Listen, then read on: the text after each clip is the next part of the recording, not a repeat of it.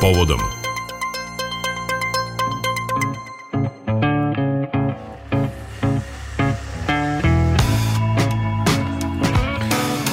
Broj poginulih u razarajućim zemljotresima u Turskoj 6. februara približio se brojci od 46.000, rekao je turski ministar spolnih poslova Sulejman Sojlu za televiziju TRT. Posle prvog zemljotresa imali smo još 13.000 naknadnih potresa, rekao je Sojlu, a preneo TAS. Zajedno sa žrtvama iz Sirije, ukupan broj stradalih je tako više od 52.000. Ministar Sojlu je dodao da se ukupno srušilo 26.300 zgrada i da su ispod svih tih ruševina spasioci pokušavali da pomognu preživelima. Samo u Turskoj u zemljotresu je povređeno 108.000 ljudi. U akcijama potrage i spašavanja ljudi u zemljotresom pogođenim područjima Turske proteklih sedmica učestvovalo je više od 10.000 spasilaca iz 80 država sveta. Među njima su bile i ekipe MUPA iz Srbije. O tome se dosta govorilo u medijima, ali to nije bila jedina direktna pomoć koja je stigla iz naše zemlje. Kao jedini tim iz Srbije, medicinski tim, bili su predstavnici organizacije za potragu i spasavanje sedmočlani tim e, novosadskih e, studenta. E, vođa tog tima Dragan Bijelić i član tima Ivan Raković danas su gosti u Radio Novom Sadu u rubrici Povodom. Dobar dan. Dobar dan. Hvala. Evo, veliko mi je zadovoljstvo i moram da kažem i čast što ste vas dvojica ovde danas, jer uh, kada smo videli one potresne scene iz uh, Turske i Sirije, moram da kažem da sam iskazivao veliko poštovanje za sve ljude koji su našli načina da pomognu tragično postradalima u tim zemljotresima. Osim vas dvojice, Dragane, ko su još bili članovi tima? E, tako kao što ste u uvodu rekli, nas, naš tim je činilo sedmoro ljudi. E, pored e, Ivana i mene tu su bili Spiridon Nefaplomatas, Vesna Aleksić, Dunja Halilović, Branislav Ćurčin i Jasna Dizdarević Izdil koja nam je zapravo se priključila u Istanbulu kao pomoć u prevodilačkim poslovima na, na, u gradu gde smo bili. Da. E, Dragane, e, vi ste e, student medicine, Ivane, vi ste student DIF-a, pa ko su sve vaše kolege, s kojih fakulteta ste još? Ili je to otprilike to? A, to je u suštini to. Za sad samo ta dva fakulteta su uključena. A, to je ono što, što i planiramo dalje da širimo, da ne budemo ograničeni samo na ta dva fakulteta, mm -hmm. nego da budemo jednostavno otvoreni za, za sve članove, sa svi koji žele da se priključe. Da, to ćemo svakako o tome razgovarati i pozvati možda neke ljude koji su zainteresovani da vam se priključe. E, za početak bih voleo da našim slušalcima objasnimo e, kako je došlo do e, osnivanja ovog vašeg tima ili organizacije, kako god to izgledalo. Pa evo, Dragane, objasnite nam sve, genezu svega. Genezu. pa sve u suštini počelo tokom pandemije COVID-a. Uh, podsjetit ću vas da smo na medijskom fakultetu imali prvo SOS call centar koji je u periodu vanrednog stanja obavio preko 200.000 poziva građanima na teritoriji Vojvodine, pa smo imali prikupljanje i slanje humanitarne pomoći za Tutin i na kraju kruna našeg doprinosa u samom COVID-u je bilo ulazak u crvene COVID zone kliničkog centra Vojvodine. U novembru mesecu 2020. godine smo ušli u crvene zone i proveli preko tri meseca rame uz rame sa našim ovaj, učiteljima, lekarima, pomagali smo i kao opet u tom momentu jedini tim uh, volonterski smo ušli u COVID i proveli i videli zapravo uh, šta pandemija u tom smislu je nosila kao posledicu neku prema zdravlju, mislim u odnosu na zdravlje samih građana.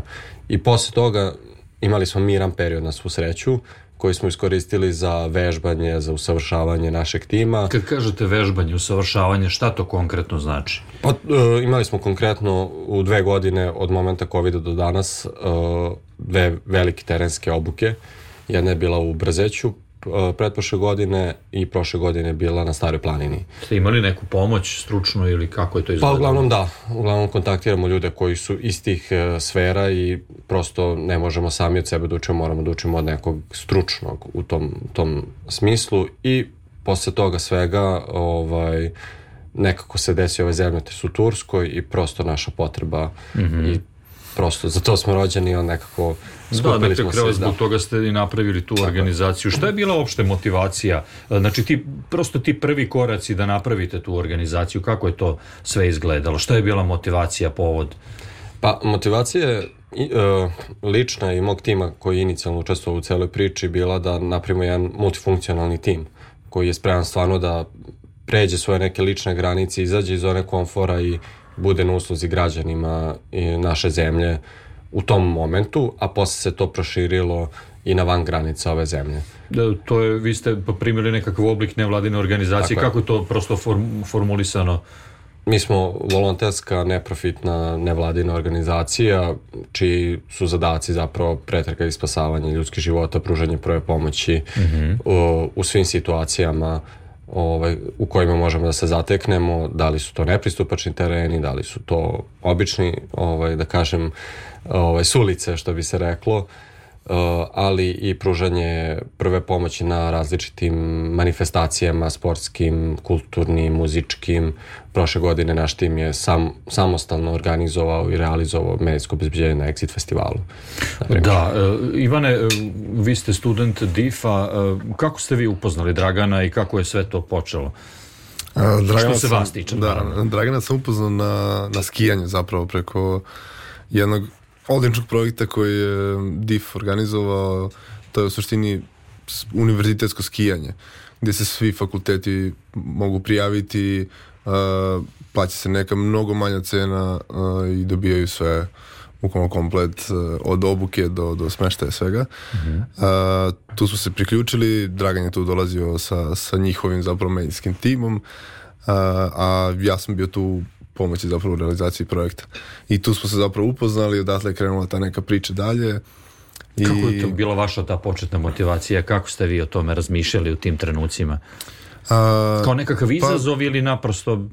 Pa im, imalo je tu, imalo je tu tog izazova uvek, uvek stoji to, to da želimo da izazovemo sebe i da, da učimo dalje nešto. Ja sam, ja sam od bio zainteresovan za takve stvari, za, čak i za taj medicinski deo i za pretrage i spasavanje i onda sa Draganom kroz neku priču ono, došli smo do toga da, da, da zapravo bi mogli zajedno da, da uđemo Da, ljudi sve, se da. udružuju po raznim osnovama, ali mislim da, da. da ste vi odličan primjer da bi ipak trebalo da razmišljaju šta je nekako u javnom interesu i da, da to bude glavni motiv za udruživanje u takve organizacije i da zaista vi ste to svojim radom na terenu uh, i dokazali.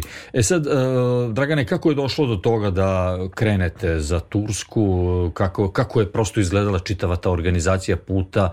Da li ste imali pomoć prilikom odlaska? Pa bilo je onako su- suviše uh, sa mnogo znakova pitanja naš odlazak u Tursku. Uh, U ponedeljak odmah po dešavanju samog zemljotresa kada smo videli slike kako je zemlja zapravo i šta se desilo, ovaj, uputio sam poziv nekolicini kolega za koje verujem da bi bili spremni da odu i uputili smo dopis uh, ambasadi Turske u Srbiji gde smo ih obavestili da imamo tim koji je spreman da ode i sutradan uveče smo stupili u kontakt sa uh, zvaničnicima ambasade. U sredu u pola 11 uveče smo dobili zeleno sre, uh, svetlo njihovog ministarstva za vanredne situacije i katastrofe i eto za manje od 12 sati od dobijanja zelenog svetla mi smo bili na putu za... Kako za, ste sa financijama? Uh, veliku podršku smo zaista imali od Turske ambasade u Srbiji.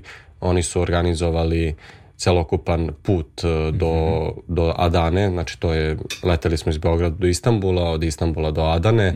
I to je sve organizacija pre, išla preko Turske ambasade i Turkish Airlinesa koji su stvarno svim spasilačkim timovima izlazili u susret i obezbeđivali im prioritetne karte.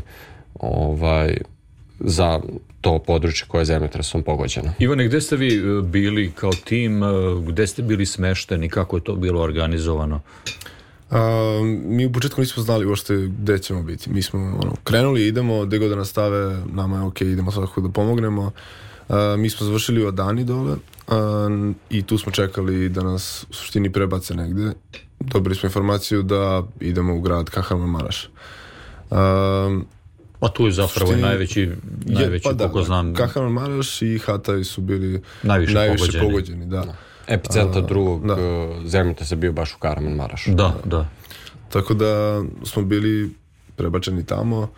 što je u suštini nama bilo i ok, smo hteli da budemo baš u tom nekom delu da najviše možemo da pomognemo. Kad već idete, onda da, da ajde da... da kad da. već idemo dole, da, da idemo tamo gde, gde najviše možemo da doprinesemo. I onda smo ono, nismo imali uopšte taj, taj osjećaj gde idemo, šta, šta se dešava, kako je, mislim, te razmere toga su nevjerovatne.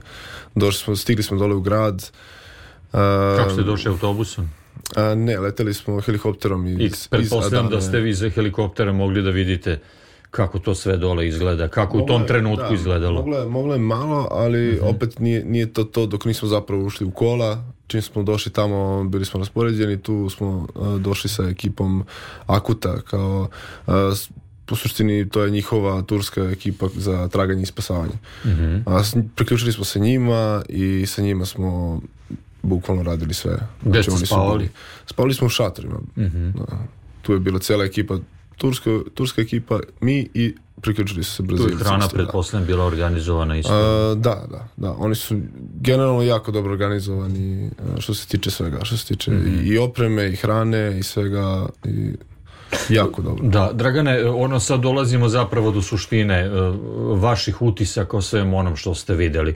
Kad ste izašli, kad ste došli zapravo tamo, otvorili širom oči, šta ste e, videli, kako ste sve to, e, na koji način ste odreagovali? Pa prvi neki utisak da smo uopšte otišli u Tursku i da, da se suočavamo sa zemljotresom jeste bilo u Adani na aerodromu, gde sam vidio jednu, jednu veliku količinu spasilaca iz celog sveta koji su došli u Tursku da pomognu, to je onako osjećate se i ponosno i srećno i mm, prosto sa tim ljudima delite isto i mišljenje, znači to su ljudi koji možda ne pričamo isti jezik, ali mi se svi jako dobro razumemo. Ali ste na istom zadatku. Na istom smo zadatku i to je bio prvi neki moj utisak. Drugi utisak kada smo stigli u Karaman Maraš, kada smo odmah, pošto je, kako, kako je rekao Ivan, odmah su bili raspoređeni sa turskim spasilačkim timom. Uh, kada smo kročili u grad, znači mene je jeza obuzela, jer to je grad veličine Beograda, uh, koji je preko 60% srušen. Mm -hmm. Taj kombinacija uh, slika, mirisa, ljudi pored koji gledaju, koji to sve kad se spoji onako te, teško je gledati pro, prolaziti sa ljudima, prosto su ose, saosećate sa njima posle nekog vremena, tako da prvi utisci su bili onako teški, ali uh, nekako odmah smo bili raspoređeni na zadatke, nekako je, nismo ni razmišljali kaže, kaže zapravo. težak rad skrene. I onda prosto, prosto smo bili pod adrenalinom tih 7 dana i prosto nismo, samo smo radili i spavali, radili i, ta, i vrteli mm -hmm. se u, u tom nekom smislu u krug. Nismo imali vremena da razmišljamo o nekim dubljim ovaj, stvarima, ali to, to se desilo kad smo se vratili u Srbiju. Po Ivane, jel stigne čovek da razmišlja o tim tragičnim ljudskim sudbinama ili što kaže Draga, nekako ste pod adrenalinom, pa da uh, jeste se osjeć, imali mogućnost da se osjećate sa svim tim ljudima? Šta ste videli? Uh, pa mislim da je bilo jako teško se osjećati sa svima, jel jako, jako je... Mislim, razmere su ogromne da, i prosto čovjek da. ne može da fokusira. Uopšte, uopšte da. ne možete da, da, gde god se okrenete vidjet ćete nekog. Nekog ko, ko čeka, nekog ko, ko jednostavno plače, sedi pored, na, sede oko svojih zgrada i čekaju da i mi javimo zapravo te neke informacije. I ono što mi možemo da uradimo jeste da pristupimo tu, da pomognemo da se nađu njihovi bližnji i kako vi kako to, to izgleda kad recimo oni vas rasporede i kažu vam idite, idite na onu zgradu kako to izgleda sad taj čitav proces e, spašavanja pretrage? Mi kad smo došli tamo prvo smo bili priključeni timu koji je tragao za preživelima koristili smo vibrofon, koristili smo termovizijske kamere, u suštini smo išli od lokacije do lokacije gde ste vi bili, postoji... ste bili obučeni za rad sa svim tim, je li tako? Ili su oni... Ne, mi smo, oni, su, oni imaju obuke za sve to. Dobro. Mi nismo imali obuku što se tiče vibrofona i toga. Čak i kod njih je bilo samo njih dvoje, troje koji su imali tu neku obuku da rade sa tim. Mi smo samo priključili njima, mi smo njima pomagali da u suštini pripreme to sve i da odrade te testove. I nakon Možda da toga... da našim slušalcima objasnimo, kad spominjete vibrofon, termovizijske kamere, kako to funkcioniše, kako, kako s tim se radi? Termovizijska kamera je jednostavno kamera koja prati toplotu, odnosno prikazuje toplotu. Mm -hmm. očitava tačno koja je temperatura i pomoću toga mi možemo da vidimo otprilike da li negdje imamo neki izvor toplote u ruševinama samim. Neke određene kamere mogu da vide dublje do 4-5 metara, to sve zavisi od dalje kažete kamere. izvor toplote, mislite na ljude, naravno, ili tako? Da, inače to je ono što, da, to je ono što tražimo. Da, da. A, Jel uspe, to, uspe ta kamera da razlikuje da li je taj čovjek pokretan, nepokretan, da li je živ? Može da razlikuje, ali može da, da prevari. A vibrofon? Zbog, uh, vibro, vibrofon radi drugačije. Vibrofon je u suštini uh, imamo senzore a, najčešće postavljamo dva ili tri senzora na određene delove a, gde smatramo da možda postoji mogućnost da baš tu ima. Naprimjer, ako je termovizijska kamera videla neki izvor toplote, onda stavimo na primjer i dodatno vibrofon, da proverimo, da dobijemo još dodatne informacije. On u suštini kupi a, a, u suštini kako bih rekao, šumove, odnosno mm -hmm. pokrete, kretanja. Da, koji ti ljudi pokušavaju da grebu, da, da lupkaju, e sad, da se... Postavljaju se senzori na čvrste tačke, odnosno na, na beton, na grede, može na armaturu da se stavi i imamo uh, senzor koji prati vibracije. Uh, otprilike pronalazimo neke rupe gde spasioci onda viču da mi smo spasioci, ako nas čujete, kucnite tri puta. Mm -hmm. I onda preko tih e, podataka koji su povratne informacije e, pokazuje se da li imamo nešto, da li smo dobili neke povratne informacije ili ne. Sad to mhm. može da bude sve i svašta. Na gradilištu, to odnosno na gradilištu, na ruševini uh, ne sme da bude kretanja, znači mm -hmm. sve prestaje, sve se gasi, sve mašine okolo kola, sve mora, ništa ne sme se desi, potpuna tišina, da tišina da bude, mora da, da bude. To je jezivo da, u tom da, momentu. Da, da. Jer sve stane. Kako to, Dragane, izgleda ta tišina kad To sam negde pročitao, čini mi se, kada za, no, u jednom trenutku, da, kako to izgleda. To, u tom momentu kada se, oni kažu, slušaju zgrade, ruševine, ovaj, u tom momentu sve staje. Znači, sve okolne ruševine i mesta pretrage i spasavanja, sve staju, sve staje i prosto tu se pokazuje ta nada da će se naći neko živ. Ovaj, tako da vrlo, vrlo jezivo uh, uh, samo videti i slušati, mislim, tu tišinu koja je onako mm -hmm puna neke nade da će neko živ biti u toj ruševini. Ono što je problem takođe bio što je užasno veliki broj zgrada. Evo ja čitam 26.300 zgrada, ali tako, bila je noć. Tako dakle, je. Prak, praktično u svim tim zgradama su bili ljudi. Tako je. Zemljotres se desio u jutarnjim časovima dok su ljudi spavali. Nažalost, mi smo dosta ljudi u spljoštenim krevetima izlačili. Ovaj, tako da desilo se toku noći iznenada i to, to, to su suštinski zemljotresi koji se dešavaju iznenada, ne mogu da se predvide, mogu na neki dugoročni period da se daju određene procene da će se desiti možda, ali niko ne može da kaže desit će se u narednih 5 dana, 10 dana, prosto, ali postoje procedure gradnje koje ono što smo mi videli u dosta slučaja se nisu poštovale mi smo viđali zgrade da, na isto mesto praktično zgrada koja je preživela i, i deset zgrada koje su srušene. Mislim i ta grada, zgrada koja je opstala, ona je toliko oštećena da će verovatno ona mora biti srušena, ali građani su, ali su sačuvali, sačuvali glave, glave, tako je. E, ste imali ovako nekih uh, situacija uh, kojih se sećate, dajte nam, ispričajte da. nešto, to pa, mora da je jezivo. Bila je u nedelju jedina šansa da ćemo izući nekog živog.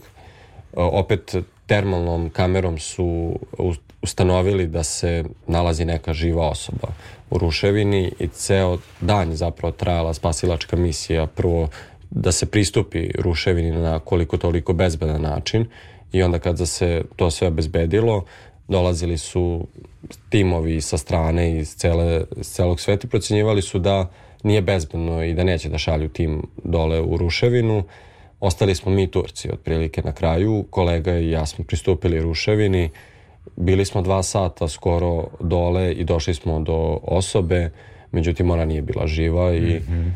uh, u tom momentu smo mi izašli napolje i usledio još jedan zemljotres koji je, koji je da, onako... Praktično da ste ostali malo da. duže, ko zna šta da. bi bilo. Tako da to mi je onako upečatljiva scena uh, i situacija gde smo mi zapravo imali jedinu nadu da ćemo izvući nekog živog. Od tog momenta je usledila samo uh, izlačenje poginulih lica. Tu je problem, je li tako, što uh, praktično bez te uh, mehanizacije saobraćene vi ništa ne možete da uradite, to su veliki komadi betona, je li tako, to, kako to da, izgleda? To... Kad nekog vide pa do, dođe mehanizacija? Uh, to, je, to je jako jako je rizično zapravo i raditi uopšte sa, sa mehanizacijom. Mm -hmm. To je pravi veliki problem zbog toga što može da se da. desi na dodatno urušavanje mm -hmm. i to sve. Mhm. Sad mi koristimo, koristili smo mehanizaciju, koristili smo kranove, koristili smo bagere i sve to. Sad bageri su većinom korišćeni za otklanjanje zapravo tog nekog šuta sa strane koji je napravljen od, od, od naše kopanja. Dosta smo kopali ručno, znači mi smo koristili uh, razne, ono, od lopata do svega, do, do hiltija, do sve bukvalno, jedno smo mi zapravo pravili, rušili. Uh, sekli smo, na primer, većinom su zgrade bile tako ploče bukvalno koje su pale dole. Mm -hmm. Stubovi više ne postoje, znači bukvalno su ostale ploče koje su naslagane jedna na drugu. I onda su mi prilike znamo gde se nalaze sobe po, po, po tim nekim kao projektima, kako izgleda zgrada i onda smo lupali, sekli i kranje izvlačio ploče bukvalno.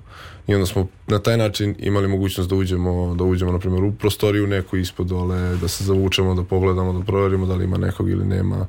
Bukvalno sprat po sprat da. je skidan. Da, da.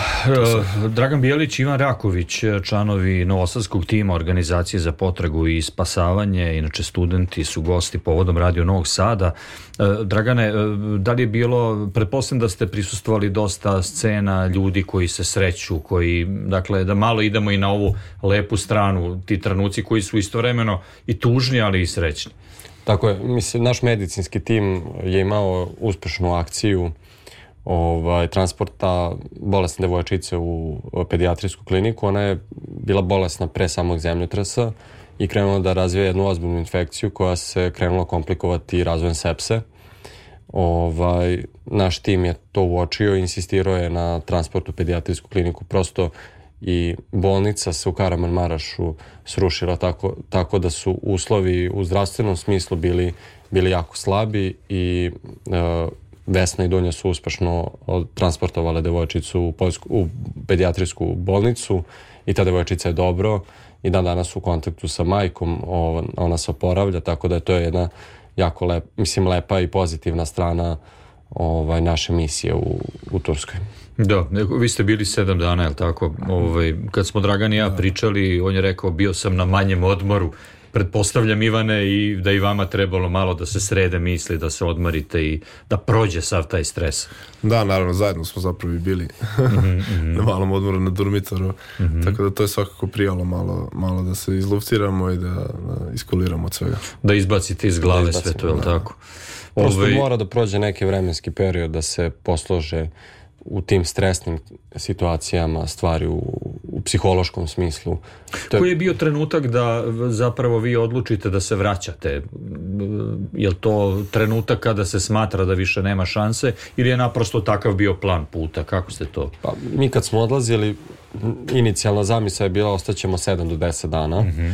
Preko toga već je tada u tom momentu će proći dve nedelje od, od samog zemljotresa i šanse su minimalne. Da su... Ne čak ni ispod minimalnih da. šansa. Ovaj... A sad smo čuli za neke primere nekih životinja, neke koze da, da su izvadili, pa, što je neverovatno. Dok smo mi bili tamo, tad su još uvek trajale akcije pretrag i spasavanja u gradskim sredinama. Mm -hmm. Oni uopšte nisu ulazili u prigradska i seoska naselja i prosto sad sve te životinje, to su iz tih seoskih domaćinstava koje su u okolini, u okolini velikih gradova.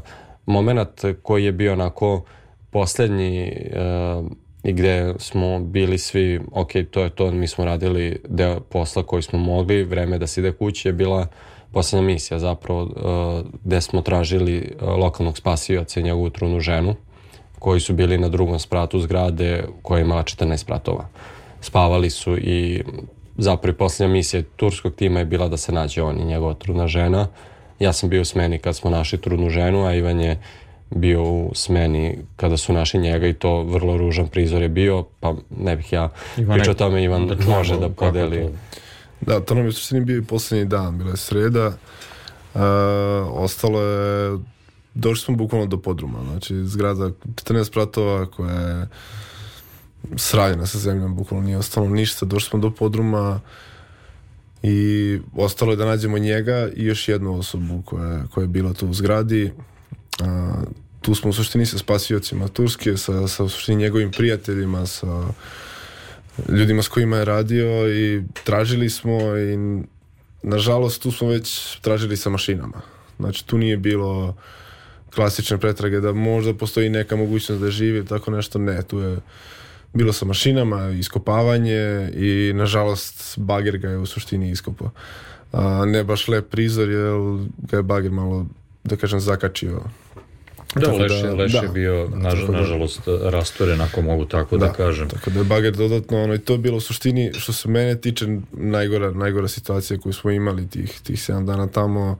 Onda vam pošto... je dur, Durmitor vam je dobro došao. da, da, to svakako Durmitor, da. da. Ono što je dobro i što je lepo da vi nećete ovde stati, vi nameravate, Dragane, da se širite, da nastavite svoj rad, bez obzira da li je fakultet pri kraju ili nije i kakvi su planovi za posle. Recite nam kakvi su vam planovi.